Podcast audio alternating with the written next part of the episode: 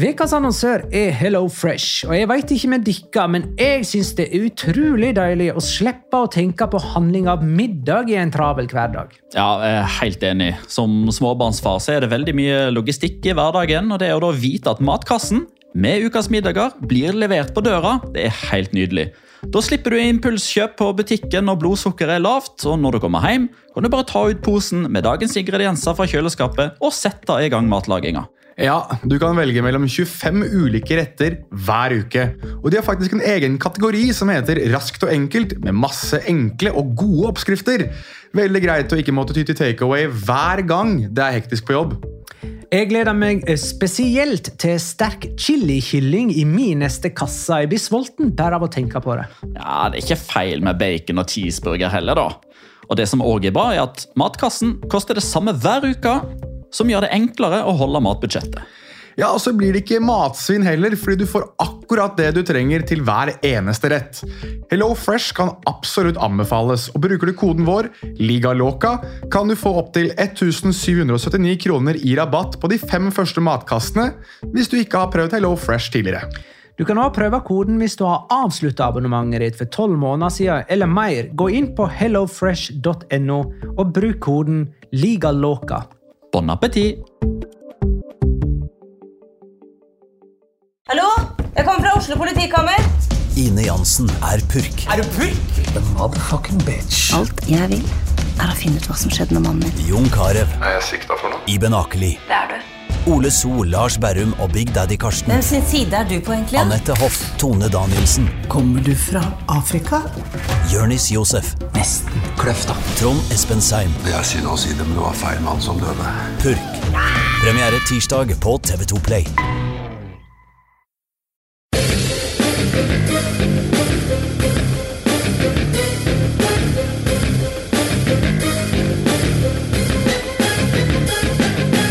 Har du sett? Når nettene blir lange og kulda setter inn, får dessverre Magnar en betennelse i halsen sin. Derfor skal to spanske mus danse på bordet, akkurat sånn som et valverdefritt Barcelona tidvis gjorde. Så la oss ta en opptelling av alle pasningene de slo mot Granada. Bli med! Én, to, tre, fire, fem, seks, sju La liga loca. En litt gærnere fotball. 1001, 1002, 1003, 1004, 1005, Jonas! Ja, Du eh, kjørte utrolig kjapt gjennom de resterende. Hva var det? Du endte med 8 til 1002. Ja, Vi redigerte jo vekk resten, da. Ja, vi gjorde det. Ja. Det, var, det var herlige fire timer eh, vi satt og holdt på her. Tenkte ikke ganske sakte, da. Ja, Det gikk eh, veldig sakte. Dette her er ordinær episode nummer 99, Oi, oi, oi. hvis ikke jeg har talt feil. Jeg teller jo ganske mye nå, så kan hende jeg har kommet ut av tellinga der òg. Ja, det kan være det. Og den går uten eh, vår kjære Magna Kalvik, som eh, må sies til hans skryt. Den kommenterte jo med alt han hadde i, eh, i, eh, i helga, og tidvis brøt stemmen litt. Men eh, Magna Kalvik er jo en kriger som vi, som vi kjenner til, og holdt igjennom det som var av både dommeravgjørelser og skåringer og vondt verre. Han ofra rett og slett uh, stemma for uh, seerne sine. Han døde for våre synder. Ja. Magna Kvalvik, Sankt Magnar. Sankt Magnar. Vi, eh, vi kommer til å savne han. Eh, vi skal forsøke å ha litt struktur. Um, Det klarer jo ikke vi to. Uh, nei, det gjør vi jo ikke. Uh, og det, blir jo den, det blir jo den forklaringen vi holder oss til, at Magnar har vondt i halsen. At han har halsbetennelse. Vi vet jo at det er fordi Chabi Alonso ikke har spilt nok sesonger til å være med på tiårets La Liga-lag. Og Magnar var mente hardnakket at han måtte på, ja. Uh, ja, men jeg synes uh, Synes ikke at han, han skal ha for forsøket, der, får vi si. da. Altså, det var jo, altså, strengt tatt, De sesongene Chabi Alonso spilte, hadde jo egentlig vært bedre enn godt nok for et tiårslag, men da reglene var som de var Ja, I og med at Chavi ikke kom med, Ja. så burde jo heller ikke Chabi være med. Vi tar den alle tre på vår kappa. kappe. Så bytter vi heller innpå Hvem blir det da? Ivan Rakitic? Til syvende og sist, bør ikke det? Ja. Ja.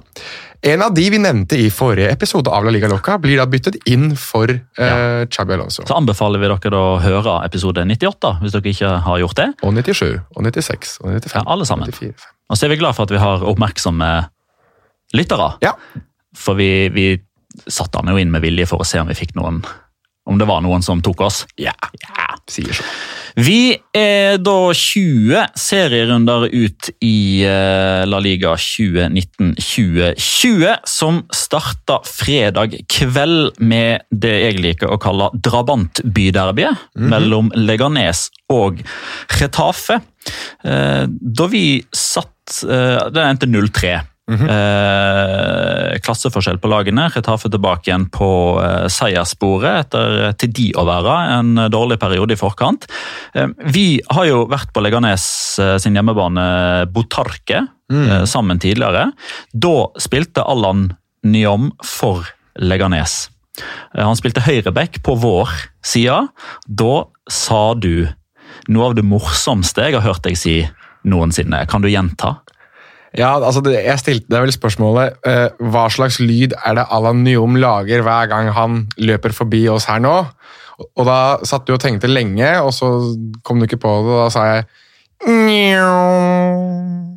Og hvor mange ganger tror du Allan Njom sa det i løpet av den Adebayor Light-feiringa han hadde på sin tidligere hjemmebane da han skåra mål? Jeg må jo få sagt det, da, for det er vel kun andre skåringen til Alan Nyom noen gang i La Liga. Og det så du jo på feiringa hans, fordi han prøvde jo å liksom ta alle feiringer samtidig. Det var liksom litt sånn Jan Åge Fjørtoft-fly, det var litt eh, eh, armen i kors, det var litt hendene over hodet, det var litt løping til lagkamerater. Det var litt av alt. Du fikk liksom Det var som en sånn Kinderegg-feiring. Og til slutt så stelte han seg opp, sånn som Lionel Messi gjorde på Santiago Bernabeu, bare at han ikke tok av seg drakta, Nei, fordi han hadde jo gult kort fra før av. stemmer.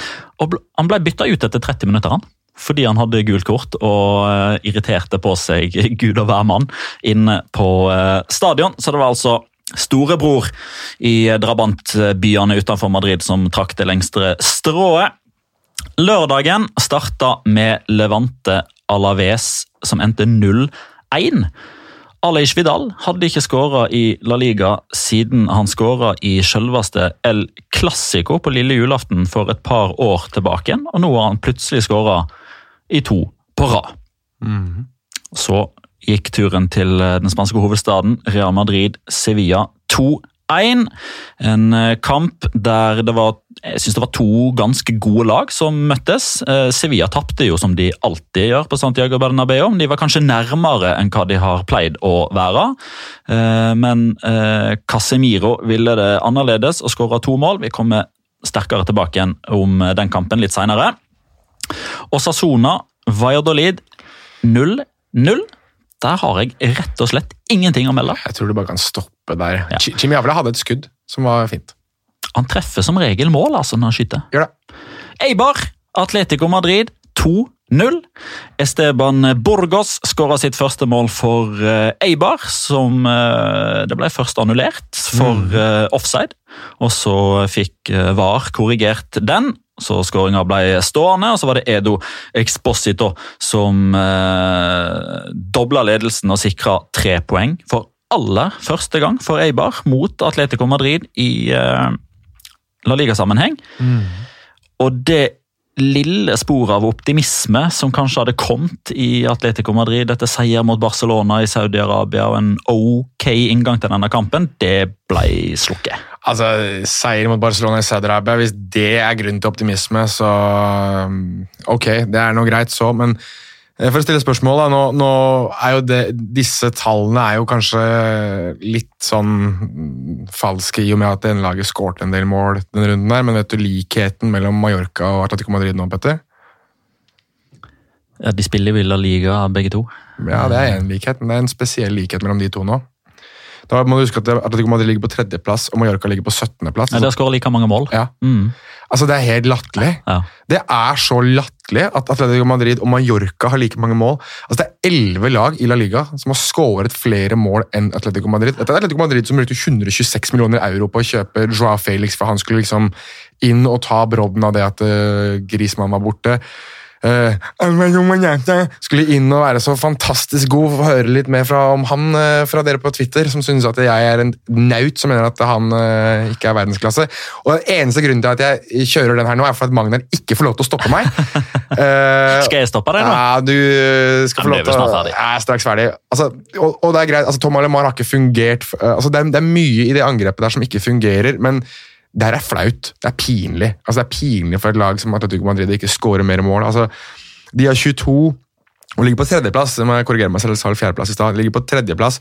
Altså, Real Madrid har 38, Barcelona har 50, Sevilla like bak dem har 25, Getafe har 29, Real Sociedad har 33.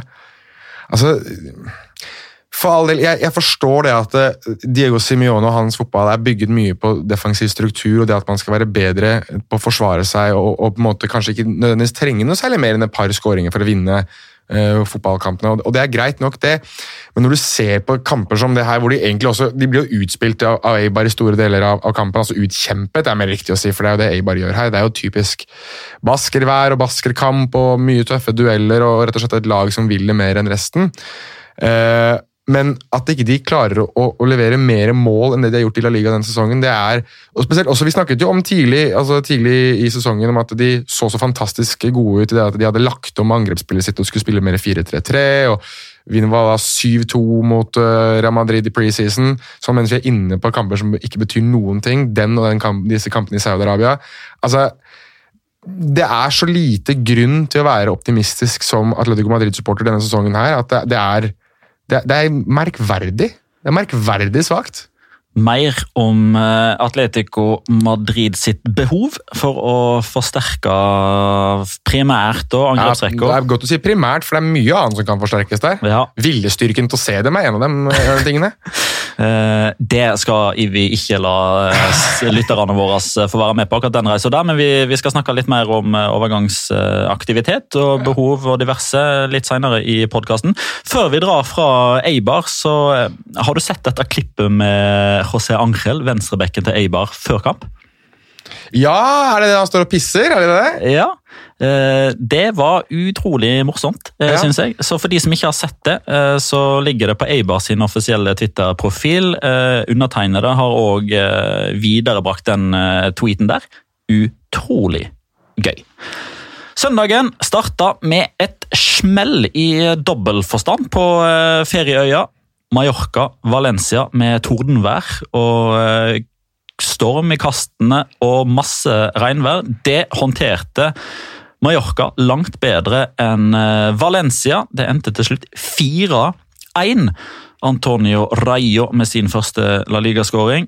To skåringer igjen av Ante Bodimir, som oftere skårer to mål enn ett. Han har tatt Santemina-rollen i år, han da. Han har tatt Santimina-rollen, eh, og han har også tatt eh, Vi kan jo kalle det litt for Lionel Messi-rollen, for han hadde vel en periode under Var det under Villanova, muligens, der han hadde sånn åtte, ni, ti kamper på rad, der han skåra to mål. Ikke tre, ikke ett, men to. Det kan stemme, det. Danny Rodriguez satte inn 4-0. Ferran Torres med et trøstemål på eh, slutten. Og det ble jo da verre for Valencia sin del ved at Dani Parejo ble eh, utvist. Og dermed ikke spille mot Barcelona neste helg. Litt mer om Valencia litt senere. Vi skal også snakke litt mer konkret om Real Betis, Real Sociedad litt senere. Den kampen endte 3-0. Klasseforskjell. Borja Iglesias, 19 år gamle Joaquin Sanchez og eh, Sergio Canales med skåringene der. 30-19 år gammel. eh, Ja, helt riktig. For en mann. For en mann. Og så er det et av øyeblikkene som, eh, som jeg dveler mest med denne serierunden her. Ja. Um, jeg skal jo ikke si hva var det jeg sa, fordi jeg tippa jo 1-1 i denne kampen. her. Men Ja. det, det kunne jo ikke gå uh, via Reals vei uh, da uh, tabelljumbo Español kom på besøk. Et lag som den gulle ubåten normalt sett har veldig god kontroll på på hjemmebane. Men med ny trener Abelardo med 3000 supportere. Det høres kanskje ikke så mye ut for de som eh, hører vanligvis på Dritte Halbseit eh, og er vant med Premier League-kamper der det er masse bortesupportere i tribunen. Det har det aldri vært kultur for i Spania. Nei. Eh, Så når det først skjer, så hyller vi det, og det hjalp Español til å ta en 2-1-seier. David Lopez og Raúl de Tomàs med skåringene. Santi Casola med nei, redusering fra straffemerket. Men det jeg dveler aller mest med, er det som skjedde etter kampen. Ja. Da um, Español sin eh, For dagen, da, etter at Javi Lopez ble, ble utvist, det må vi jo ta med, så overtok David Lopez eh, kapteinspinnet og er jo den som Lopez og Lopez. Lopez og Lopez, og Diego Lopez Ja. sto i mål. Eh, Luis Lopez var på benken. Ja. Uh, han uh, er da den utvalgte som skal uh, snakke med rettighetshaver i Flash, eh, eller Superflash, som det heter på fagspråket, eh, umiddelbart etter kampslutt. Eh, han får spørsmålet om han får vel egentlig først instruks av eh, intervjueren om å snu seg og se på de 3000 som står eh, høyt oppunder taket på Estadio de la Ceramica, og, og, og han får jo da spørsmålet om, om hva har du å si til dette her? Og han begynner å gråte underveis. Mm, jeg så det. Eh, Hva tenker du om det? Du er jo en mann som normalt sett er litt sånn ute med hoggestabben på sånt. Nei, det er jeg ikke. ikke når det Er kommer, ikke det? Nei, ikke når det kommer til at folk er, er, er emosjonelle. Altså, jeg er jo en emosjonell mann selv. Det har jeg ikke noe vanskeligheter med å innrømme. Og jeg synes jo at det, det viser jo eh, en, en eh, passion, en lidenskap for den klubben du representerer, og viser at dette betyr så mye mer enn bare en en pengesjekk på slutten av måneden og at du har litt fame og sånn, at du faktisk har litt yrkesstolthet. Jeg har jo slaktet Gareth Bale blant annet for å ikke ha yrkesstolthet i denne podcasten her, så at du faktisk ser en spiller som står og gråter for at det betyr så mye å vinne en fotballkamp, det synes jeg er eh, Det er jo litt rørende, da. Det må du være enig i. Jeg synes det er helt nydelig. Ja. Det er lite som klarer å få større klump i halsen hos meg. Eh, Så enkel er jeg på det. En, en fotballspiller som gråter gledestårer. Eh, For så vidt òg Hva blir det motsatte? Sorgtårer. Er det det det heter? Det er kanskje bare vanlige Det tårer? er bare tårer, det. Ikke krokodilletårer, iallfall. Men uh, nå, nå, Jeg, lik, jeg liker for øvrig at de to tingene som har bitt seg mest merke i deg, er pissing og grining. denne runden her. det, det, er mye, det Der er vått. tittelen til på denne episoden. er Pissing og grining. Ja, Pissing og grining uten Magnar. Eh, nei, men jeg, jeg bare jeg slenger det ut der. Eh, Nytt tiår, uh, nye muligheter. Hvis jeg skal skrive ei bok om fotball, så er det om tårene. Tårene i fotballen. Det skal være tittelen på boka som jeg skal skrive en eller annen gang. Fotballens tårer. Fotballens tårer, eller tårer i fotballen. Må du, ha, må du ha med Bare få ta et øyeblikk med sånne tårer og sånn. Paul Gascoigne må jo være med, Ja, ja, ja, må være forsidebildet, i så fall. Sammen med David Lopez. De to.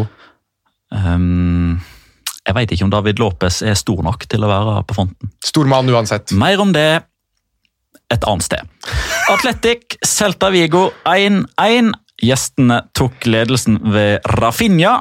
Og så kom utligninga fra straffemerket fra Raúl Garcia. Det begynner å bli en del uavgjorte på disse to eh, lagene. Atletic klarte ikke å dra nytte av de mange poengtapene til lagene foran seg på tabellen, mens eh, Celta Vigo da igjen havna under streken. Må sies her da, at eh, det hadde vært litt for gale, Mathias, om eh, Raúl Garcia hadde skåret på det brassesparket han forsøkte på helt på slutten av kampen her. Altså, da, Det holder med Adoris, gjør det Ja, ikke det det? var det jeg satt og tenkte. Altså, at, altså, kom igjen, da. Det er greit nok at det gamle farsøla har ligget i vann rett der og dunka han i mål, men skal han her òg, altså største bråkebøtta som eksisterer i Baskeland, gjøre det også? Nei, Det hadde blitt, blitt litt for meget for eh, blodpumpa til eh, unge Giæver, eh, så jeg er ganske glad for at han ikke scora der. Det hadde blitt veldig mye. Det hadde blitt veldig mye. Apropos veldig mye. Nå skal vi over på Barcelona-Granada. Kortversjonen 1-0.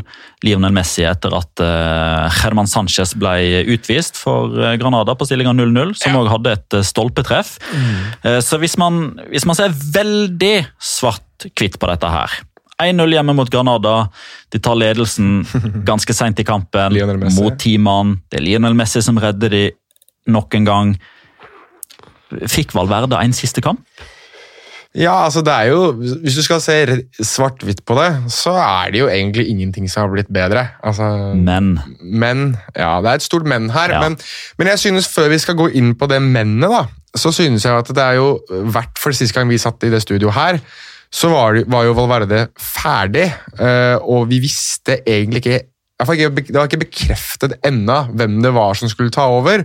Nå er det jo blitt bekreftet at det er tidligere Las Palmas Vi kan godt ta med Logo også, men Logo Las Palmas og Rehabetis-sjef Kike Setien som har tatt over. og som er da mannen som skal lede Barcelona fram til 2022, vel? Det var det han signerte kontrakt til, og det var det mange som bet seg merke i, for neste presidentvalg i Barcelona er jo i 2021, så det er jo mange som tror at dette er fort en måte for det sittende styret å kunne lobbye seg litt tid, og kanskje også bli gjenvalgt, fordi at de da har treneren fram til 2022 dersom det skulle gå så bra som mange forestiller seg at det kan gjøre med Kikki igjen, og Uh, men tror vi ikke at det ligger en liten klausul eh, med liten skrift et eller annet sted i den kontrakten der? Jo, men altså, enhver trener uh, Men jeg tror at hvis Kikiset gjør det ekstremt bra, så sitter det nok ganske la... Vel, jeg burde kanskje ikke si det, for det gikk ganske bra med Ernesto Valverde også sånn egentlig. De leder ligaen videre i cupen, videre i Champions League, og fortsatt får du sparken fordi ja. du taper en eller annen tulleturnering borte i Saudi-Arabia. Uh, skal ikke jeg gå på noen lengre digresjoner enn det, hva angår akkurat den turneringen der, men uansett så for å, for å, gå inn på sett igjen, da, så står jo han for en fotball som er mer eh, altså mer i tråd med Barcelona-DNA-et. altså Tikki Taka, pasningsfotball. Eh, den gode, glade, fine fotballen. Vi husker jo Hans Betis som dro til Camp Nou og vant 4-3 med en fantastisk blendende fotball der de spilte mer Barcelona-stil enn Barcelona selv. Eh, den gang i en slags 3-5-2, 3-4-3 som man så igjen nå i Barcelona mot, eh, mot Granada. Så at han har noe eh, som jeg tror kommer til å oppildne supporterne, iallfall i startfasen, det tror, jeg, eh, det tror jeg ikke vi trenger å snakke så veldig mye mer om. Men jeg mener jo også at det åpenbart at han har startet en form for skjerm, et sjarmløp og la spillere som Ricky Push få, få muligheten. Altså, det er jo kanskje det som har på en måte vært gullkalven til veldig mange Barcelona-sportere.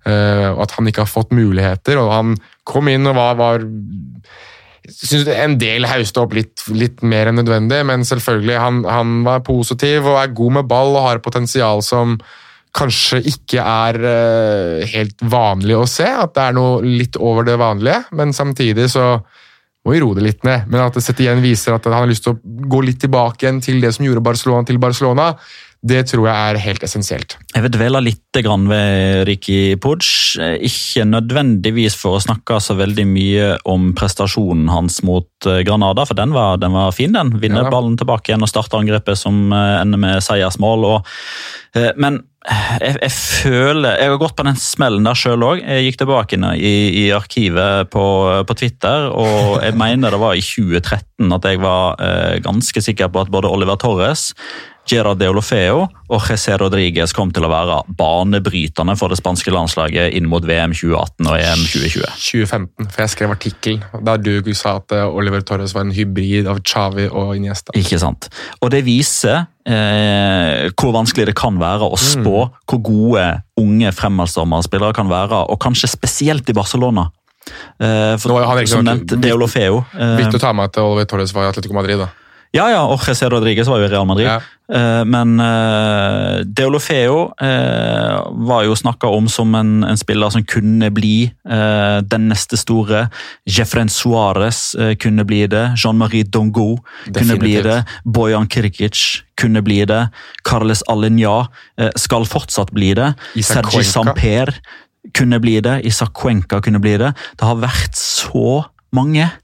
Men ett etter den gylne eh, det er jo nesten eh, absurd å bare kalle det for en gyllen generasjon òg, men denne 87-, 88-, 89-, 90-varianten med Messi, med Piquet, Chavi, Niesta, alle de, altså Pedro Busquets, alle som kom samtidig der. Mm. Etter det så er det jo det er jo ingen som har klart det etter Nei. det.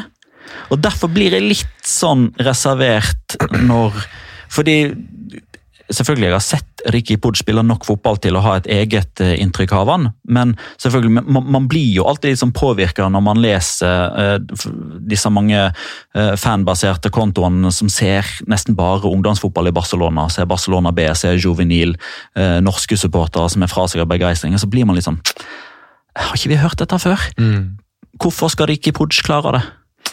Jeg tror at Utenfor, uten å snakke noe særlig om, om Ricky Pooch, egentlig, jeg syns det er urettferdig så tidlig i hans karriere, men jeg, jeg tenker jo at det, det sammen, det, man sammenligner han med dem fordi at du har lyst til å se det en gang til. Altså, og, og, det tror jeg er der veldig mange supportere av lag generelt sett altså, Bare la oss se på Manchester United, da, bare for å ta de med inn her. Altså, man snakker fortsatt om Class of 92, at de var så fantastisk gode. for kan ikke United gjøre mer sånn? Samme med Barcelona med deres gullgenerasjon fra 2009 til 2011. altså Tidenes beste klubblag, i hvert fall etter min mening. da. Altså, det, er, det, er, det, er, tidenes beste av en grunn. Det kommer ikke til å skje en gang til. I hvert fall ikke så kjapt. Altså, det, det må gå noen, noen, uh, noen tiår, tror jeg. Det må være noen stjerner som står på riktig punkt når disse gullkavene fødes. Altså det, det, er, det, er, sånne ting som det som, som rett og slett gjør det er, det er, grunnlaget for hvorfor vi snakker om det som tidenes beste. Det skjer ikke så ofte, det skjer ikke en gang til. Og Selvfølgelig, Ricky Pors, Ansu Fati også. selvfølgelig, Dette kan bli verdensstjerner, de kan bli fremtidige Ballon d'Or-vinnere, men å sitte også vente seg det, eller vente seg at det kan være liksom en, en, repeat i de dagene der du hadde Chavi Niesta Busquets, som alle var født, oppvokst, levde og dør Barcelona. Det, det jeg, jeg, jeg, støtter det å gi unge spillere en sjanse, uansett hvilken klubb du er i. definitivt, Og, og egenproduserte spillere burde alltid få en sjanse. Det er jo det Kikki Setian har sagt at han ønsker å gjøre, som selvfølgelig også er en positiv greie for eh, Barcelonas væremåte. Men at man skal forvente det, og forvente at dette skal være noe fantastisk blendende fordi han er født og oppvokst i Barcelona, det, jeg kjøper bare ikke det. da, Og det er kanskje litt min kynisme. Eh, jeg tenker også på, Nå nevnte du veldig mange her i stad, men altså jeg tenker også Wilfred Kaptom, da, som også i sin tid skulle være liksom arvtakeren til Busquets. Han, altså, han ble jo ikke engang brukt av sett igjen i Betis. Og da mener jeg at det mener jeg husker, hadde ikke, var det ikke, Jo, Setien hadde vel kapton i, i Betis også. Jeg mener, Dette er så individuelt, da. Og kan det bli bra? Selvfølgelig kan det bli bra, men har de riktig trenere for å, å, at det kan bli bra? At premissene ligger der? Ja. Jeg tror Setien er mer positiv til det enn det Valverde var. Og det er nok det som uh, Barcelona-sporterne burde være mest oppildnet over, sånn for utenom 1005 pasninger i en og samme kamp. Det er sykt, altså. Ja, og apropos eh, det, vi har jo fått et spørsmål fra Hajir, som kaller seg for Arak Hajir på eh, Twitter. Valverde hadde 3,7 mål og sånn ca. ett baklengs i snitt per kamp på hjemmebane i La Liga. Er det litt sløsing av tid med 82% ballinnehav, rekordhøyt antall pasninger og bare ett mål? Eller er dette bare begynnelsen på et ny Tiki Taka-æra mot et godt organisert Granada? Spilt 90 møter med Setien fotball i Barcelona, så om det er starten Ja, men det er 90 minutter vi har foreløpig på å vurdere. Så vi må, vi må vurdere ut ifra det vi har. Da, eh, Før du skal få lov til å besvare dette bedre enn det sikkert jeg kan, så vil jeg sitere er det Pacho Maturana, gamle Colombia-treneren fra på 90-tallet, som sa det at eh, fotball er mer gøy når det er du som har ballen, og motstanderen må løpe etter den. Og det er jo også litt av det som er eh, virkemidlet med en så høy ball possession i, i, i laget. Altså, hvis du har ballen, så kan ikke motstanderen skåre. Altså, og, og, Så enkelt kan det, kan det, være. Og når du da i tillegg Greit nok at målet kommer ganske sent, men jeg synes det hadde vært ganske festlig hvis på et eller annet punkt man hadde hatt 1-0 til Barcelona etter fem minutter, og så ender de kampen med 90% ball possession. Mm. Det hadde vært litt gøy, egentlig. Ja, de var, de var jo eh, det, er klart, det, det, er ikke 90 ballinnehav, det, det, er ikke det, men det var 82,5. Mm. Uh, by far det høyeste for Barcelona og alle andre La Liga-klubber denne sesongen. Så du, jeg føler nå, På vegne av Barcelona-supporterne uh, så mener jeg at det var en sånn langt større forventning til denne kampen enn hva det normalt sett ville ha vært. og man uh, ser med andre øyne på det. altså Man ser etter endringer da, fra det gamle med Valverde til det nye under Kikiset igjen. og det det jeg la merke til, eh, og som andre òg har eh, lagt merke til, er jo eh, blant annet disse hva skal jeg si, angrepsmønstrene som går over i defensivt mønster, som han gjorde både i Las Palmas og i Real Betis, der Busquets naturligvis er nøkkelen som gjør at de kan angripe offensivt i en 3-5-2, der han blir enda litt lavere enn hva han pleier å være når Barcelona har ball. For å demme opp for eventuelle balltap. Og Det sa jo Kikiset igjen etter kampen på pressekonferansen der, der han får spørsmål hva er du fornøyd med, hva kan rettes på, var dette et eh, godt steg i riktig retning? Eh, og Han sier da at det, det er fortsatt masse ting å forbedre her. Han skulle ønske at eh, la circulación, altså ball hva skal vi kalle det, ballsirkuleringen. At ballen, ballen skulle gått litt raskere. Eh, han skylder litt på at det var dårlig vær, og at eh, ballen gikk sakte pga. at det var ja, til dels vannpytter på banen pga. masse regn. Så er det til dels at det, det er første kampen hans, da. Ja, det er første kampen, eh, men, men det som han òg sier, eh, og som jeg ikke la merke til underveis, rett og slett fordi det ikke skjedde Jeg, jeg kan ikke huske én gang at eh, Piquet, Rakitic, eh, Vidal Busquets hadde noen av disse paniske returløpene mot eget mål. Altså, Granada hadde nesten ikke kontringer.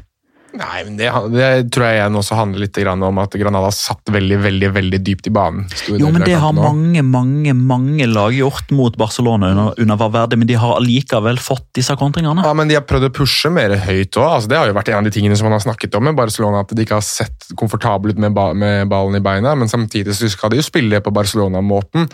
Så mye av brodden har man tatt ut av Barcelona ved å pushe de høyt og tvinge de til disse paniske klareringene som du skal fram til her nå. Så det er jo Ja, hvis Barcelona spiller av førstepresset, så faller jo alle lagene rett ned. Men det er jo det veldig mange lag har vært suksessfulle med. Det å faktisk tørre å stå høyt mot Barcelona og vite at de er litt eh, At de er liksom som, en bokser som ikke tåler det å få slag i magen.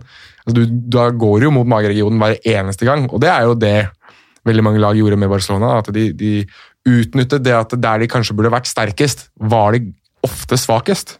Ja, og da er jo kanskje en av årsakene til at Granada ikke fikk til dette, eh, da f.eks. de 14 gjenvinningene til Busquets Ja. og de 145 pasningene han slo i løpet av 90 minutter. 145 Det er så enormt mange, det. Og så er det så, jeg synes det er to ting som på mange måter er litt sånn poetisk riktig når man ser tilbake på denne kampen her, ut ifra hvordan uka i forveien var.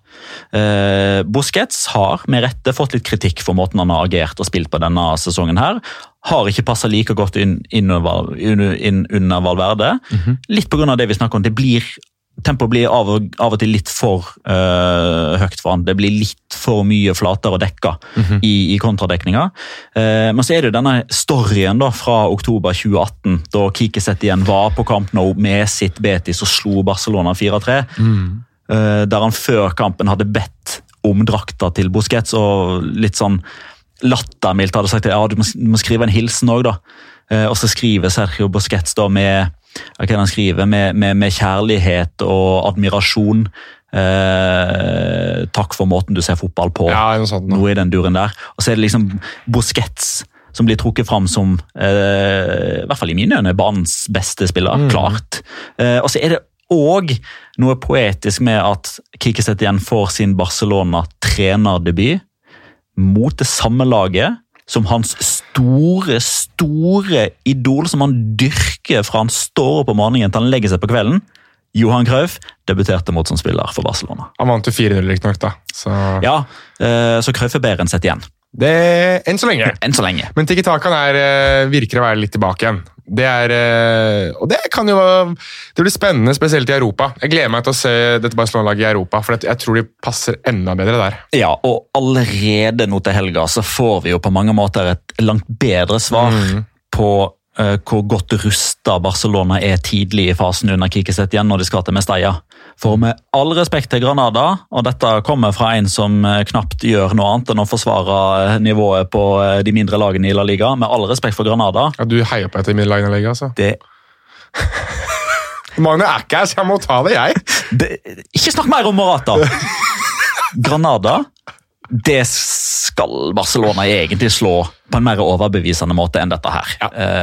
Men det er en start som eh, nok eh, bringer litt eh, positivitisme tilbake igjen i supporterskaren til Barcelona. Så får vi se litt mer hvor landet ligger. Ikke mot Ibiza i Copa del Rey, men mot Valencia på Mestalla til helga. Enig. Vi beveger oss litt videre, vi, Jonas, hvis det er greit.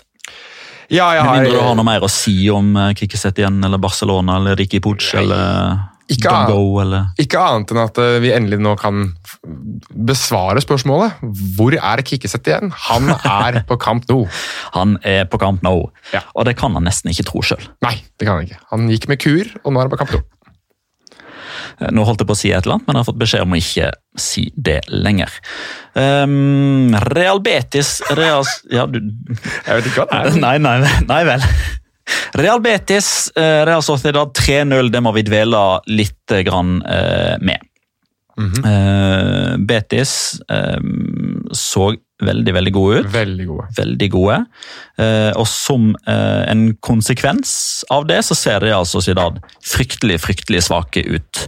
Eh, jeg tror vi er oppe og nikker på sesongbeste for Betis og sesongverste for Real Sociedad. og Det blir jo gjerne en konsekvens av det andre. Det blir litt høne og egg-diskusjonen, men selvfølgelig. eh, Når Martin Ødegaard gjør det bra, så snakker vi om det med norske øyne. og Da må vi òg ta litt tak i det når det ikke går så bra. Og dette, vi har snakka om det litt tidligere òg, at den skal vi kalle det den offensive kvartetten, da, hvis vi er litt snille med Mikkel Merino og holder han Ja. eh, ute som en av to sammen med Ander Guevara sentralt på midtbanen nå. Eh, De fire foran der er enten kjempegode sammen eller kjempedårlige sammen. tror jeg er konsekvensen av at de er så unge òg. At de ikke har det jevne, jevne nivået sitt. Men samtidig, når du har altså De spillerne de har i, den kvartetten der, altså Oyarzabal, Porto, som jeg syns har eh, fått for lite skryt egentlig i år, eh, og Ødegaard. Så selvfølgelig Alexander Isak er Dette er de typer kampene han burde vise seg ordentlig fram. for han, Det har vært så mye snakk om at han starter på benken, og sånn, men så leverer han jo til bånn i bøtta sammen med resten av de fire der. altså Ødegaard, bånn i bøtta. Oyarzabal, bånn i bøtta. Porto, bånn i bøtta. Jeg, altså, jeg syns de var elendige å se på. Altså, Angrepsspillere satt ikke over hodet. Det var pasninger som ble slått bak på løp. Det var dårlige innlegg. altså Alle mulige sjanser de kunne ha skapt, bare kastet de vekk. altså Det var, nei, det var sløsing, enkelt og greit. og det var vi så jo denne kampen live, altså det, omvendte oppgjøret mellom eh, Real Sociedad og Real Betis. og Da snakket vi jo mye om hvordan, hvordan de var så gode til å faktisk finne hverandre i angrepet. og Spesielt Porto og Ødegaard var fantastisk gode sammen. Altså De to så ikke ut til at de visste navnet på hverandre engang. eh, ut på eh, den kampen her, så det, det jeg regner med at de kommer tilbake, kommer tilbake sterkere, for dette her er så dårlig som jeg har sett det i år. Men er vi litt inne ved, ved kjernen på det som kanskje er den største utfordringa til Martin Ødegaard nå? Ja, han er fortsatt ung. Han er ikke mer enn 21 år gammel og bevares. Han skal fortsatt få lov til å variere i prestasjonene, som han har gjort litt nå den siste tida. Men vi må samtidig behandle han med såpass respekt at vi stiller krav. Eh, er vi litt inne ved eh, kanskje den største utfordringa til Martin Ødegaard som spiller, at han har en tendens til å forsvinne litt hvis laget er dårlig? Mm. Ja, definitivt. Og som du sier, altså, behandle med respekt. Behandle ham på lik linje med resten. Ja, Vi har norsk pass alle sammen, men er han dårlig, så er han dårlig. Og det tror jeg han er den første til å innrømme selv også. Og i den kanten der var han dårlig. Så, så enkelt er det bare. Og, men ja, det er utfordringen hans. Det også, og det å kunne ta over kamper eh, ene og alene, synes jeg. altså være en på engelsk sier to, to impose your will on a match. altså bare Det å være den som bestemmer seg for at en kamp skal vinnes, eller altså, eller vinnes, du, trist om å bestemme seg for at den skal tapes, men altså, hvis han bestemmer seg for å vinne en kamp, altså det er kanskje det neste han må gjøre. da, At han bare bestemmer seg for at kamper skal vinnes, og, og, og gjør det. altså I samme grad som ja, typer som, nå, Uten sammenligning for øvrig, da, men vi har sett Messi gjøre det, vi har sett Ronaldo gjøre det. Jago Aspas er kanskje den som gjør det aller mest hyppig sånn i, i den fasongen at han gjør det helt alene. At det er kun han som gjør det. Uh, så jeg mener jo det at uh, det er nok neste steg i hans utvikling som fotballspiller. Det å kunne bestemme seg for at en kamp skal gå i hans favør. Bare ved at han gjør noe helt unikt. for altså, Når han skårer disse fantastiske frisparkene sine, og, og så er det liksom, det kommer på 2-0, 3-0 når, når de er litt i flytsonen og han kan få lov til å danse litt rundt og gjøre det han er best på. da. At rommene åpner seg. men også når lag presser, eller presser altså Sociedal høyere, så forsvinner han også i banen. Altså han, han, går for dypt og, og får ikke lov til å være den som påvirker angrepsspillet den andre veien. Så de må nok finne en eller annen måte, om ikke han skal falle for dypt i banen og forsvinne, så må de i hvert fall finne en eller annen måte der han alltid involveres når de har et offensivt spill. For det slet de også med den kampen her, at han ikke ble spilt fri nok til å kunne påvirke kampbildet. Neste Real Sociedad-kamp er i Copa del Rey på onsdag mot eh, Español. Vi får se om Imanol Alguacil fortsetter å kjøre eh, det han mener er den eh, antatt sterkeste elveren når det er La Liga-motstand, eller om det blir litt rotasjon i og med at det er Mallorca som venter i La Liga neste helg. men vi må få lov til å, å bare si før vi går videre her, at de gamle er eldst i La Liga. Andres Guardado og Joaquin. Altså, Canals også fantastisk god, men dette er den beste kampen jeg har sett av Andres Guardado på lang tid. Gud, så god han var. Herregud. Han, altså, det var jo som å, altså, han var jo Santi Casorla bare i meksikansk versjon. Det var jo helt fantastisk gøy å se han spille fotball. Og jeg var enig, jeg husker ikke hvem det helt, det var, altså, Han slo pasninga, eller løpet gikk litt for tidlig. Men den der ene finta, skuddfinta som ble pasning istedenfor, helt på tampen av kampen Jeg, jeg satt der sånn ah, ja, ja. Fantastisk bra. Så um, Nei, jeg blir eh, Jeg blir glad når Andres Guardado spiller fotball på den måten han gjør. Og Joaquin kan, han kan egentlig spille dårlig, han, og du kan fortsatt bare være glad for å se ham på banen. Altså, Spansk fotball kommer til å bli så mye fattigere den dagen han legger opp. eh, Jeg tror, Nei, ikke, ikke snakk om det. jeg tror nesten jeg blir mer deppa jeg når han legger opp en Messi. Det tror jeg ikke, men du skal få lov til å innbille deg det. Um, På lik linje! Emerson Han, ble, han, han bryr meg ikke om han legger opp. Eh, Nei, eh, men det gjør neppe jeg heller. Men eh, Emerson, bare sånn helt for å avslutte Betis-praten, han begynner å jeg syns, det, det begynner å se litt sånn Barcelona-kapasitet i han. Spesielt når man ser at Semedo aldri helt klarer å ta av eh, innad i Barcelona. Moussa Vagé er litt usikker på. Sergio Roberto syns jeg fortsatt er eh, en, en ok spiller. En viktig troppsspiller, men eh, håper jeg aldri ypperste verdensklasse i noen posisjon. Jeg, jeg syns Emerson begynner å se veldig spennende ut, og han jobber jo eh, Han rakk jo så vidt å jobbe litt med Kikiset igjen i Betis òg. Eh, og vi skal videre inn på eh, overgangsmarkedet nå, fordi vi, vi skipper nå da, eh, som jo vanligvis er en eh, ganske fast eh, spalte i dette her, fordi det, vi må liksom være to som eh, gjetter oss eh, fram, eller analyserer oss fram til eh, riktige årstall. Mm. Så i og med at Magnar ikke er med denne gangen. Men eh, det har jo blitt åtte poeng nå da, mellom Barcelona og Real Madrid og de andre. Eh, nå seiler de sin egen sjø videre, ser det ut som. Eh, og nesten alle lagene rett bak eh, tråkker jo på diverse bananskall, bortsett fra Retafe. Så da har du Atletico Madrid og Sevilla som har 35. Retafe har 33. Real Sociedad Valencia har 31, og Atletic har 30. Og for å ikke irritere på meg deg og Magna, så stopper jeg å lese fra tabellen der. Lurt. Overgangsvinduet eh, må vi snakke litt om. Um, og Vi kan jo egentlig bare begynne der vi slapp litt tidligere, da, med Atletico Madrid og Edison Cavani. Hva er status der nå? Nei, Edinson Cavani status per eh, 20.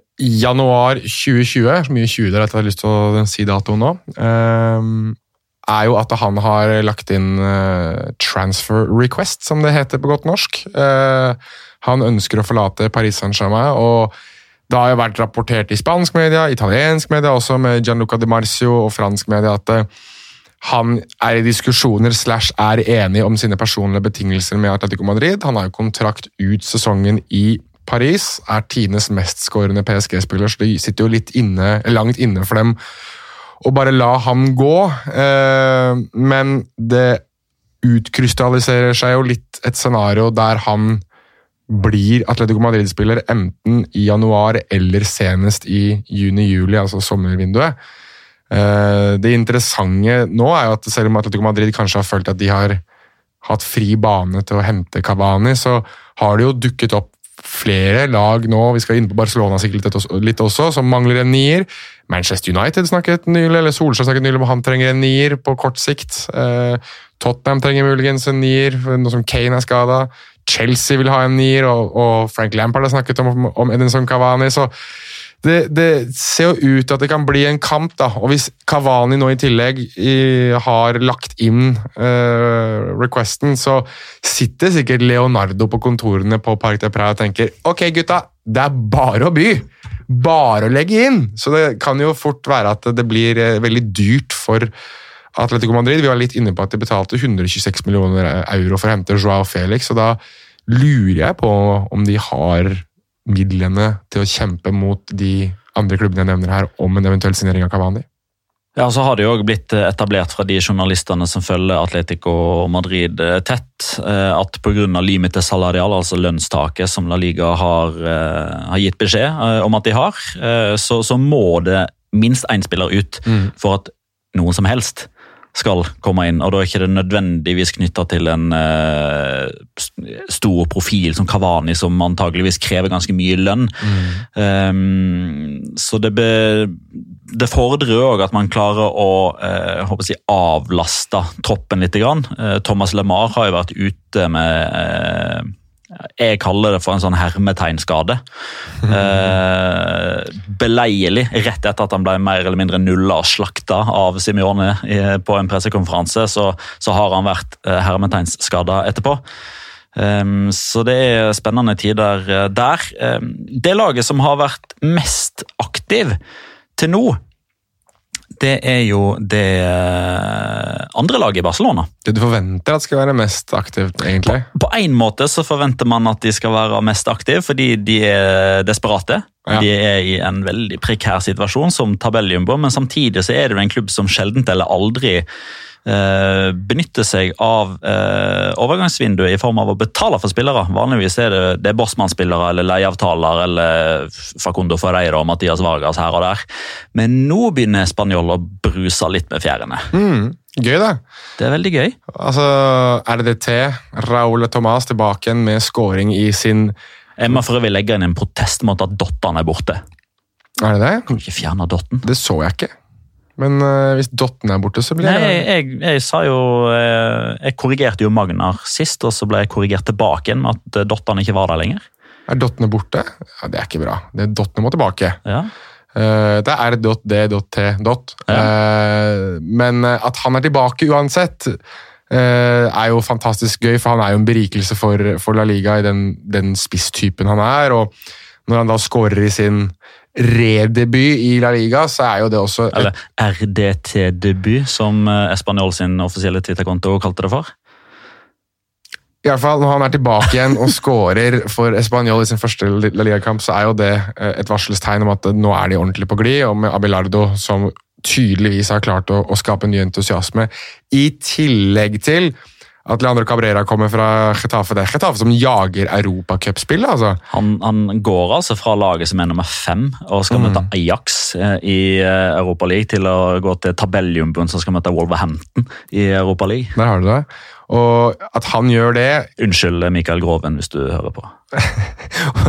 og i tillegg, altså, han, har veldig, han, har vært en av de spillerne som du ikke har snakket så mye om, eller vi ikke har snakket så mye om, rett og slett for at han bare er en del av det systemet til Getafe. Så han har liksom kanskje ikke stått fram som en individuell stjerne sånn egentlig, men samtidig så er han jo bunnsolid, og det er jo et slags kvalitetsstempel, det å være midtstopper og fra Uruguay.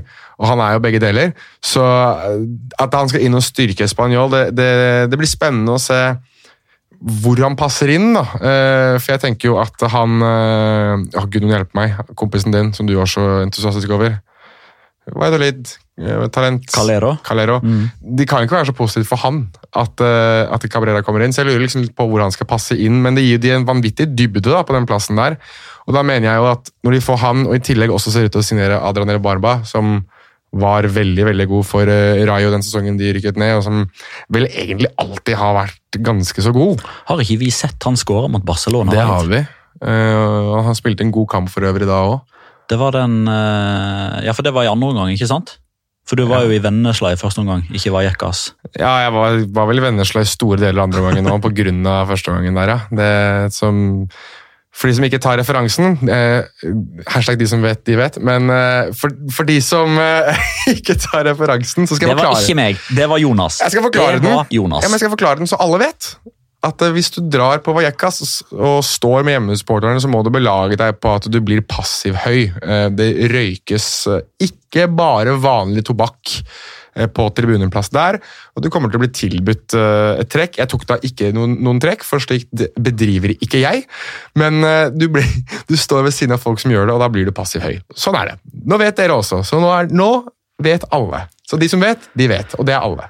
Og så vet jo òg da nedrykksrivalene til Español at uh, Español har blitt uh, desperate. Mhm. De splasher cash. Uh, de tar en risiko. For de har jo signert Cabrera til 2024, de har signert Raúl de Thomas til 2025. De kommer antageligvis til å signere Embarba til minst 2024. Mhm. Eh, så de drar jo med seg en viss eh, lønnspose og eh, avkastning, låneavtaler etc. med ned eventuelt i sekunder, så de tar en fryktelig sjanse her. Og skal de beholde plassen, så er det jo antageligvis på bekostning av en av de tre andre lagene som utkrystalliserer seg i den kvartetten der nede, med Celta Vigo, med Mallorca og med Leganes. Leganes. Eh, som på helt stikk motsatt vis selger sin største profil, vil kanskje noen hevde. Josef Enesiri, som har signert for Sevilla. Det ble jo utkjøpsklausul, ikke det? Ja, tett opp mot 20 millioner. Ja, Ja. Så de ble jo på sett og vis tvunget til å selge. Eh, og når du, så, når du er bunnkandidat, eller altså dumpekandidat, og du får så mye penger for en spiller, da kan du egentlig ikke si nei, da. Men det er jo trist for Leganes, for jeg tror, jeg tror at det er, eh, med mindre de gjør noe veldig spesielt nå siste tiden på, i overgangsvinduet, så tror jeg det er kroken på døra. Eh, fordi Nesiri er altså Han er jo et angrep alene sammen med Braithwaite. Og skal Braithwaite gjøre alt alene? Det mm, Glad i vår danske venn, men jeg tror ikke at han får til såpass mye. Eh, og når i tillegg Javier Girre ikke akkurat er kjent for å spille en blendende, offensiv, morsom fotball, så tror jeg dessverre for Leganes at eh, skal man spise de deilige bocadillosene deres, så må du belage deg på at du skal se segunda-fotball og ikke Primera Divisjon. Og kan jo være like godt med bocadillos i segunda, men eh, er, jeg syns det er noe magisk jeg, med Botarque. Jeg syns alltid det er gøy å, å Super Pepino og supportere som synger og holder på hele kampen. Men kommer nok til å gjøre det i segunda neste sesong. Uten Enesiri. Uten Josef Enesiri, som altså da eh, skal, han ta plassen til Luke de Jong, eller skal han være kompanjongen til Luke de Jong? Altså, Monus Dabour har jo allerede blitt shippa av gårde til Hoffenheim. Chicharito signerer eh, veldig snart for LA Galaxy. Mm. Spørs, da. Luke de Jong skårer jo eh, på Santiago Bernabeu, så kan det jo være at Luke de Jong Kanskje Luke de Jong forsto det at eh, nå må han virkelig skjerpe seg, eller så er det en marokkansk brøytebil som kommer til å spille istedenfor ham. Bra eh, overgang over til eh, Real Madrid mot Sevilla. Vi må snakke litt om den òg. Eh, og jeg tenker som så at hvis Casemiro skal begynne å skåre to mål, Mhm. i tillegg til alt annet han gjør, Mhm. da må vi bare gå ned i knestående og la han få gjøre som han vil. Da er vi, da er vi ferdig.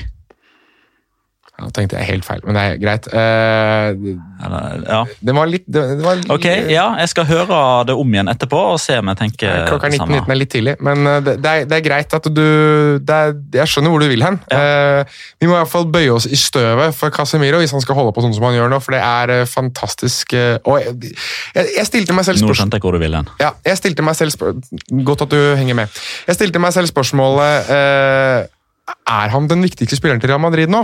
Og det er vrient å komme på noen andre som gjør like mye for det laget som Casemiro gjør. Ja, Benzema er fantastisk god og er nok den beste enkeltspilleren til Real Madrid. Courtois har blitt veldig viktig for, uh, for Real Madrid, men Casemiro er den som jeg synes er best. Det er han som jeg synes gjør den største forskjellen. Og når de har han sittende dypt i banen, så kan typer som Valverde få lov til å gå på disse sugende løpene sine fremover i banen. Du har Modric eller Kroos som får lov til å danse litt rundt. Altså, Venicius øh, og de andre offensive, Rodrigo osv., får lov til å være seg selv fordi Casemiro gjør den grov, øh, grovjobben defensivt. Når han da i tillegg skårer to mål, og den ene skåringen, da den første skåringen, er en deilig liten chip, da begynner du å lure litt på hva er det som egentlig foregår. Og i tillegg er Luka Jovic som spiller han igjennom. Da er det full bizarro world ute på Santiago Bernabeu. altså. Vi har fått et uh, spørsmål fra Nori, Nori Ramay på Twitter. Han spør om vi kan gå litt inn på Zidane sin utvikling som trener. Ehm, litt på eh, spøk, men òg litt på alvor, så har det jo blitt sagt i denne podkasten at han er en clap your hands-trener. Eh, og det står jeg fortsatt for at han var. Men jeg er helt enig i premisset til Nori sitt spørsmål om at han har endra seg. Fordi eh, jeg føler jo at, eh, at det som har skjedd, er at eh, Zinedine Zidane kom tilbake igjen eh, på våren nå. Eh, og forsøkte vel egentlig ikke å endre noe særlig. Han forsøkte å gjøre det samme som han gjorde i sin første periode. Trene hodene til eh, fotballspillerne og håpa selvfølgelig med sine ideer eh, og med sin taktiske inngang og med sin erfaring å få dette til å fungere. Men Cristiano Ronaldo var ikke der. Nei. Og da begynner man å, å se konturene nå utover høsten, og spesielt når de siste to, ja, to månedene. Eh, Etter tap mot Mallorca, egentlig. At man har sett en litt sånn endring i måten eh, Zinedine Zidane setter opp lagene på. eh, Måten de spiller på. Der jeg, der jeg tror det kan være så enkelt, men allikevel så vanskelig som at han eh, han bare aksepterer at de 50 målene til Cristiano Ronaldo ikke er der lenger. Mm. Gå tilbake til tegnebrettet og finne ut hvordan kan vi opprettholde poengsnittet. Mm. Og Svaret er like enkelt som det er vanskelig. Vi må slippe inn færre mål. Mhm. Eh, og så har ikke jeg direkte eh, førstehåndsinformasjon om hva Zidane gjør på feltet, og hva teamet hans gjør på feltet. Om de terper forsvarsspill på en annen måte, eller om han har fått prenta eh, sin konklusjon inn i hodene til de andre spillerne. Dette kan jeg ikke noe om, men jeg syns jeg ser en, eh, en litt sånn Atletico Madrid light i Real Madrid nå. Og det forundrer meg litt. Ja. Ja, jeg ser hvor du vil hen. Eh, de er kyniske, da. er mer, altså De har en sånn vinnerkynisme over seg som er litt uh... Ja, og så føler jeg òg at eh, jeg håper å si, sk skremmeskuddene som jeg tror kanskje satte i gang denne prosessen, her, var heimekampene mot Levante og Granada. mm, Da de leda 3-0.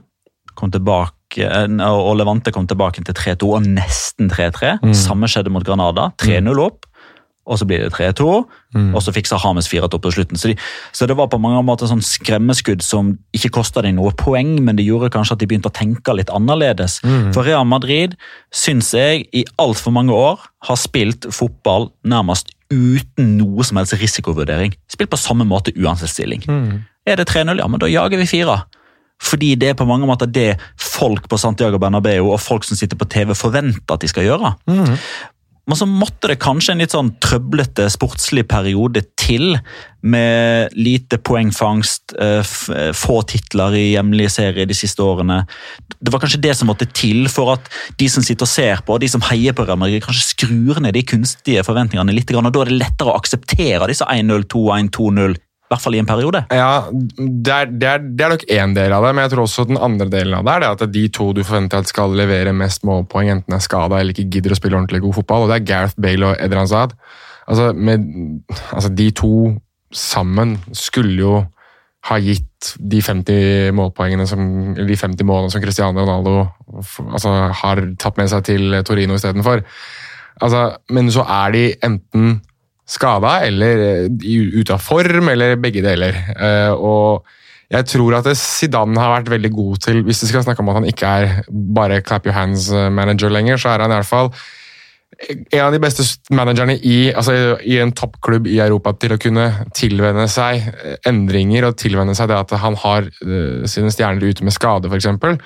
Så jeg, vi må jo gi en del skryt til, til Zidane for det at han, han finner andre måter å vinne på og spille fotball på når han ikke kan gjøre det som jeg tror er førstevalget hans, som er det å release the kraken, som de sier i en film, ved å bare sende utpå eh, Eden Hazard og, og Gareth Bale. Clash of the Titans det er eh, release the kraken, men uansett så Det hadde jo vært litt sånn. The Clash of the Titans hadde du slengt ut på Azad og Gareth Bale, så er jo det to titaner som kunne gjort eh, en endring eh, i kampen eh, på egen hånd. Så jeg tror, jeg tror vi skal gi Zidane en del, eh, en del skryt, men, men en ting som jeg så som jeg også er litt interessert i å ta opp her, er Um, altså det, er, det er en hens-situasjon i den kampen her som har gått sin seiersgang. Du er jo veldig glad i VAR og glad i å snakke om VAR. Noen ganger i mitt, mine ører til det kjedsommelige, men her er, jeg, er, er det faktisk godt, en god diskusjon.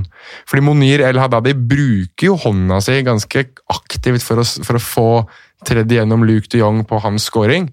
Og da er det jo i kjølvannet av at eh, Sevilla allerede har fått en scoring annullert av VAR etter at Nemanja Nemane Gudel kjørte en god gammeldags screen, som han driver med i basketball, for å stoppe Eder Militao. Eh, og da er jo spørsmålet mitt litt det at Kompenserte man litt der?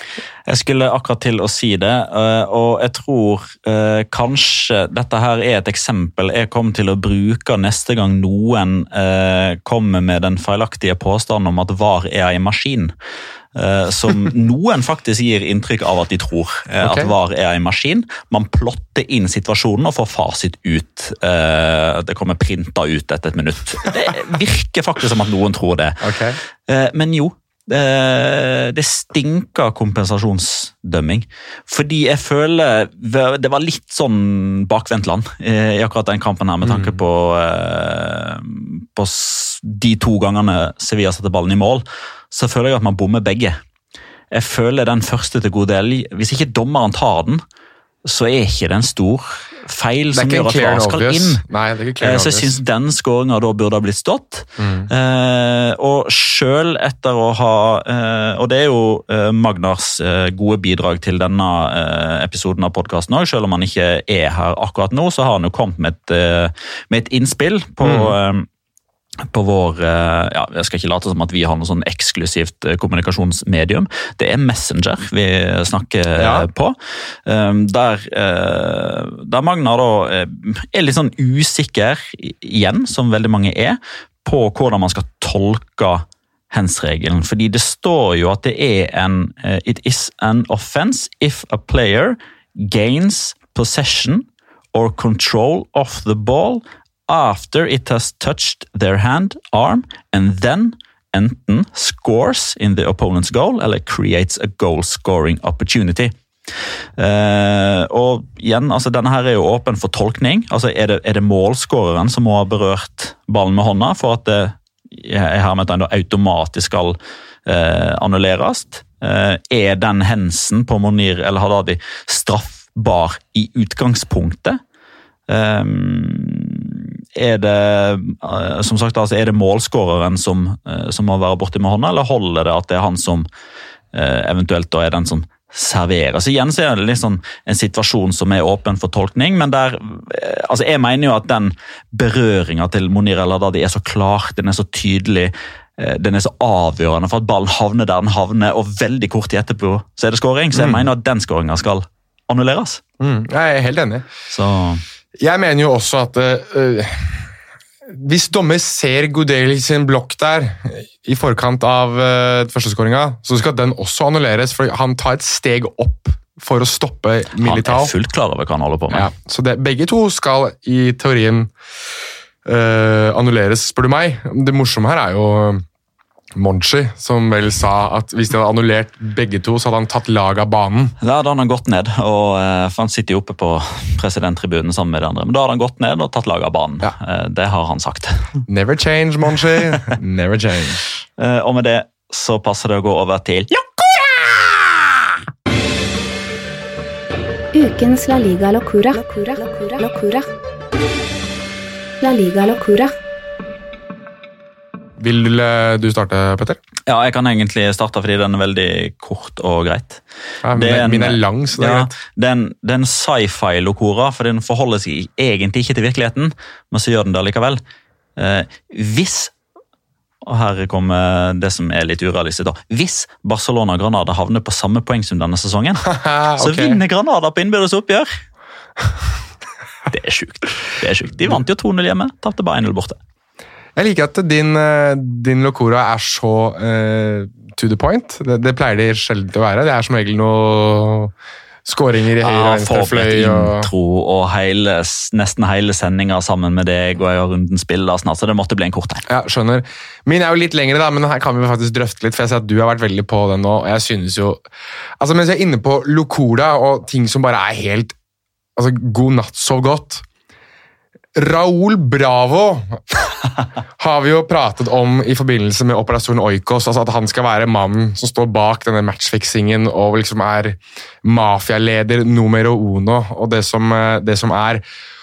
Og nylig så kom det jo fram at Darko Kovacevic tidligere Hva blir det for noe? Tidligere, hvor er de har spilt sammen igjen? De har spilt sammen i Olympiakos. Olympiakos, ja. Eh, men han har jo også en karriere i, eh, i Spania med bl.a. Real Sociedad. Eh, så ja, Jeg måtte bare oversette litt i huet mitt her nå. Men altså, det, han ble jo skutt i kneet, vel. eh, I Serbia, hvis jeg ikke tar feil? Eller, nei, i Hellas. Han har blitt skutt Ja, i Aten. i Aten. Mm. Og eh, overlevde, alt er bra, på bedringens vei osv. Eh, det er jo litt ulike teorier om hvorfor han ble skutt. Noen har koblet inn mafia, noen har sagt at han er blitt rana, noen har sagt at han var et tilfeldig offer, noen har sagt at det var noe gamblingopplegg, osv. osv. Men så kommer det da fram i serbisk presse at det er Raúl Bravo som har prøvd å få han henrettet, eller altså myrdet. Og da blir jeg sånn Hva i svarte svingene er det som foregår nå? Og fordi det som er, er at Raúl Bravo i sin tid Vi husker Raúl Bravo som egentlig ganske en kjedelig, traus stopper som aldri passet inn i El Clásico Nei, El Clásico sier jeg, Los Galacticos-laget til eh, Real ikke Madrid. inn i El Clásico heller, så det går Nei, det gjorde han ikke. Han har spilt El Clásico. Ja da. Men altså, Figo, Beckham, Roberto Carlos, eh, Zidane, Ronaldo altså Det var jo et drømmelag. Og så hadde du Raúl Bravo. Ikke sant? Han og Thomas Gravesen var liksom Nettopp.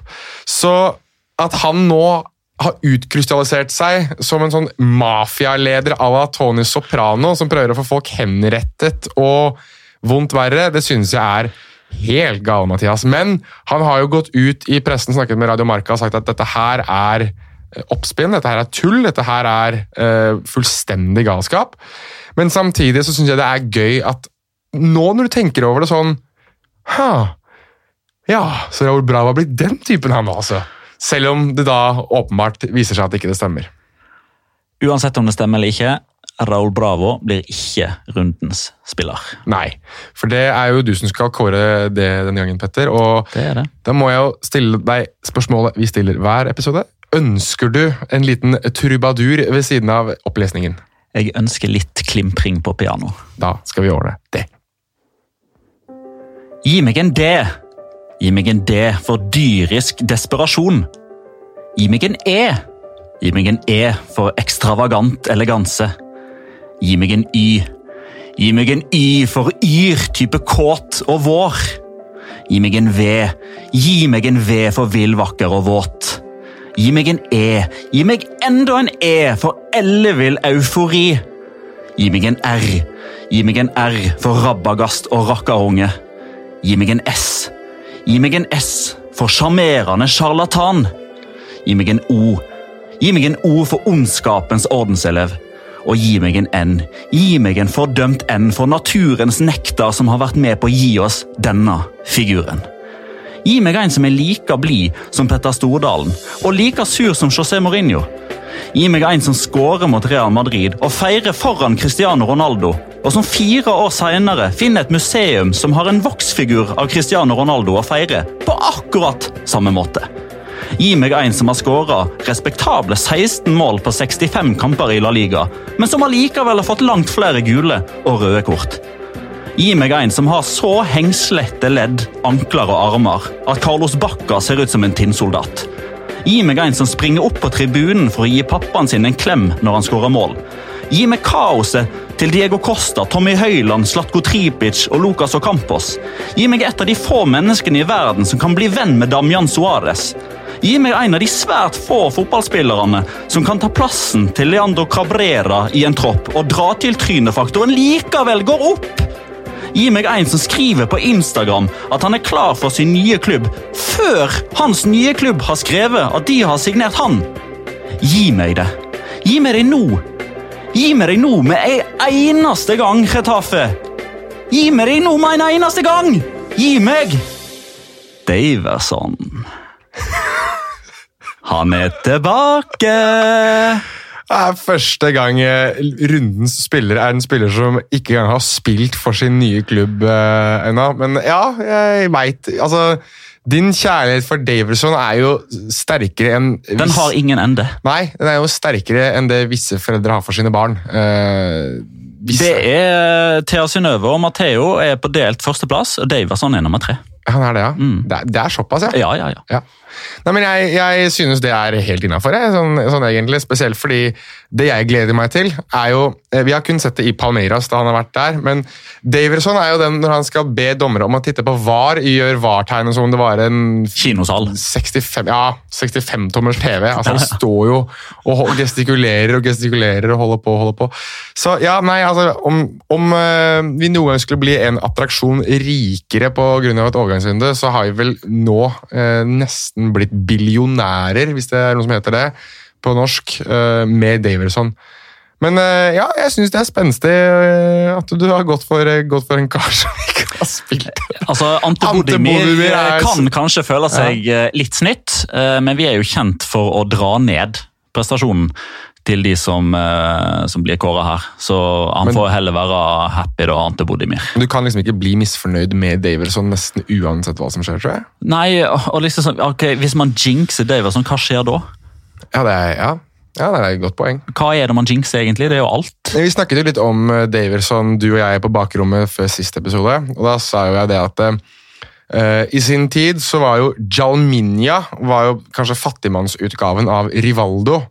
Og Det er ikke alle som husker Jalminja, men jeg anbefaler jo altså dere litt yngre lyttere å søke opp Jalminja på YouTube og se et par av de klippene, for han hadde jo noen helt elleville finter og sprell han holdt på med. Men han var jo altså, som sagt en nedgradering fra Rivaldo. Altså, Daverson er da First Prize-utgaven igjen av Jalminja, og det kommer jo med sine fantastiske øyeblikk, det òg. Men du skjønner hva vi mener når du ser han spille fotball. Ja. Ja. Og Med mindre jeg har jinxa hele denne overgangen, da, for den er jo ikke offisielt bekreftet ennå. Det står riktignok på eh, den offisielle Instagram-profilen til Daverson at han er jugador do chedafe. Det står det, ja? Da, så han er tidlig ute, som jeg sier. Eh, Dette har jo blitt mer eller mindre behandla som en eh, sannhet i spanske medier de siste dagene. Og han får forhåpentligvis sin debut mot Real Betis på søndag klokka fire. Øvrig, Den må alle se. det må alle se. For øvrig så kan vi jo altså være litt sånn retro her nå, siden Magnar ikke er her, og, og bli dritsur av at vi gjør dette ikke i real time, men i opptak. Men da gjør jeg su! Og de som husker det fra de episodene vi har hatt live da overgangen ble bekreftet, nå er Leandro Cabrera klar for Spanjol. Ja. Så da er den i boks. Og uh, Reinier er klar for Real. Kan du veldig kjapt ta det du vet om han? Det er fryktelig lite. Jeg Ja, men det er mer enn meg. dessverre ikke sett nok av han. Nei, altså, Han er jo versjon 3.0 av dette eh, som de holder på med nede i Brasil der. Det er Real Madrid som holder på med det. Ja. Eh, å signere unggutter fra Brasil før de har muligheten til å spille for Real Madrid. Og veldig ofte før de har muligheten til å reise til eh, Spania. Og i hvert fall før de har muligheten til å kjøre bil og drikke lovlig. Eh, men altså, Reinier, eh, som jeg ikke klarer å tenke på uten å tenke på han store eh, tyskeren i The Simpsons, som heter Rainier Wolfcastle. Eh, han skal være en, en, en tekniker, en playmaker, som uh, finner uh, både rom, så da Karim Benzema må glede seg veldig til å spille med han regner jeg med, og er en, er en individualist. Jeg anbefaler alle å følge André Østgaard på, på Twitter. Han har eh, stålkontroll på det som er brasiliansk talent. Jeg er mer på Argentina og Uruguay. Jeg syns Brasil er vrient å følge med på, skal jeg være helt ærlig. Men eh, av det lille jeg har sett, og disse YouTube-compilationsene jeg har søkt opp bare for å få et slags grep av hvem han er, så er det jo en slepen tekniker som kan finne på de morsomste ting med ballen i beina, og som selvfølgelig da skal spille i uh, løperekke, regner jeg med, med Vinicius eh, Junior og Rodrigo og Takefusa Sakobo og Martin Ødegaard og det som er med årene som kommer. Altså, dette her er åpenbart eh, morgendagens superstjerner som Real Madrid henter tidlig, og som jeg synes gjør at det blir ekstremt spennende å følge de. For Hvis du setter opp et lag nå med de spillerne som på en måte skal være morgendagens helter for Real Madrid, så får du et ekstremt spennende lag. da. Ashraf Hakimi, Eder Militao, eh, André Lunin i mål, Fede Valverde, Ødegaard, Venicius Reinier, eh, Rodrigo, Luka Jovic, Fela Mendy. Um, altså det er jo fantastisk spennende, da. og jeg tror at Real Madrid gjør veldig mye riktig på overgangsvinduet. Og selv om jeg vet at du ikke liker disse konseptene, Petter, så er det framtidens måte å kjøpe fotballspillere på. Og, Ja. og der er eh, Real Madrid banebrytende. Der er de veldig veldig gode. Eh, vi må tippe litt grann helt på eh, slutten. Eh, det er jo Magna som er den strukturerte av oss. Det er han Mhm. som har full kontroll på sammenlagtlister osv. Um, for, for å være helt ærlig, jeg hadde forventa å få tilsendt den av Magnar. Det kan godt hende at jeg som er kravstor, at han mener at jeg burde gått tilbake og hørt på forrige episode, hørt på sammenlagtstillinga og lagt på de poengene som ble delt ut forrige helg, da vi tippa på Villarreal Español. Eneste jeg vet, er at jeg fikk null poeng, til tross for at Español tok eh, poeng, og det Thomas skåra. Du hadde borteseier, hadde du ikke? Jeg tror det. Men jeg Ja. hadde Voley som første målskårer. hvis jeg husker helt feil. Ja. Eh, Så sammenlagtstillinga kommer om ei uke, når Magnar er tilbake igjen. Men jeg har fått et tips av han. Rakkeren. Jeg har fått et tips av han. Og... Vi må bare beklage til lytterne. at vi, vi, jeg må jo si det, vi kjenner jo på, på savnet her av Magnar Kvalvik nå. ja. Vi gjør det. I, i, sånne, i, i denne, disse strukturerte tider så mangler vi en stødig hånd fra Sogndal. ja. Eh, Men den stødige hånda fra Sogndal har Det er lagt ikke Sogndal, men fra Ja, Årdal. Sogn- Årdal. Ja. Riktig, men. Nå sitter jeg- Stødige hånda fra Årdal Ja. har eh, lagt sine fingre på eh, jeg vet ikke om han har iPhone eller Samsung eller Alcatel, eller hva han har for noe, men han har iallfall sendt eh, sitt tips. Alcatel. Min første mobiltelefon. Ja, Alcatel. Kjøpt på Rema, faktisk, i Odda. Valencia-Barcelona eh, er kampen eh, vi, eller det vil si jeg, eh, har valgt at vi skal tippe på. Ja. Eh, Magnar han tipper 1-2 med første målskårer Antoine Griezmann. ja. 0-3. Og første målskårer Godt spørsmål. Ja, Det er veldig enkelt å si Luis Suárez her, da. Men eh, det er, er jo ikke tilfellet denne gangen her, så nå må jeg være litt lur. Eh, kjøper meg tid og bare snakke dritt. Arturo Vidal. Ok. Ja. Og jeg tror eh, det går som det går mot Granada. Barcelona spiller 1005 pasninger, og Messi skårer ett mål. Og det er det eneste i kampen. 0-1 Messi.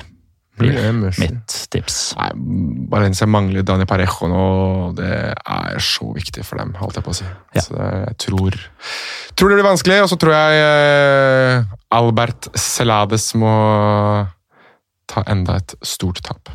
Dessverre. Er vi ferdig? Med mindre du har noe mer å komme med nå. Nei, ikke noe annet enn uh... Jeg sitter liksom og ser på uh, Dette må jeg si til de som ikke er, har vært i studiet, for det er det jo veldig få som har, foruten oss tre som pleier å være her. Og uh, Jeg legger alltid merke til at Magna kaster et blikk bort på skjermen for å se hvor lang tid vi egentlig har brukt. Og jeg ser at det er greit mer med tid når det bare er deg og meg. Så, Ja, det er litt mer. Ja. Ikke så veldig mye, ser jeg. Jeg føler egentlig vi har hatt ganske flinke gutter ut ifra altså, vi, vi kunne jo ha sittet her i fem timer ja, det, og ikke gått tom for noe som helst av verken ideer eller ord. eller... ja, det er mulig at vi faktisk må gjøre noe ut av det også, vet du. Stay tuned. Jeg Ja, kanskje burde ja. si, si noe sånt rundt det. Ja, eh, Vanligvis har Nå jeg nå sagt noe nå, men jeg får ikke lov. Nå legger vi litt press på oss selv. Ja, ja men det er viktig, det. Ja. må ut der. Presset må komme utenfra, ikke det- bare Nå innenfra. er det press. Så Nå nå, det press. nå har vi sagt til folk at de skal stay tuned på noe gøy som kan komme. Ja, ehm, Bra. Vi avslutter da, vi. Ehm, iPhone, Spotify, gi oss ratings, lik og del, alt Eventuelt, dette her. eventuelt iTunes. eh, sa iPhone, iPhone, sa du? Oh, ja. Kan du det si var- det var fordi jeg så på en iPhone. akkurat. Ja, Ja. si iTunes, Spotify, Acast, der du hører din podkast. Eh, snakk om oss. Eh, gi beskjed til dine venner og familiemedlemmer og fiender om at vi fins, og at vi gjerne vil at de skal høre på. Gi oss en sjanse. Til dere som eh, stoppet meg i, på byen i Oslo sentrum, gjerne som var litt berusa, og takket for podkasten og det vi gjør uke inn uke ut. Tusen takk for at dere hører uke inn uke ut. Jeg blir alltid kjempeglad når folk faktisk kommer og sier 'du, jeg hører podkasten din'. Det varmer faktisk hjertet mer enn det veldig mange av dere sikkert kan gjette på. Så det syns jeg er utrolig koselig. Tusen takk. Takk for at du lytta, kjære lytter. Ha det, da. Ha det, da.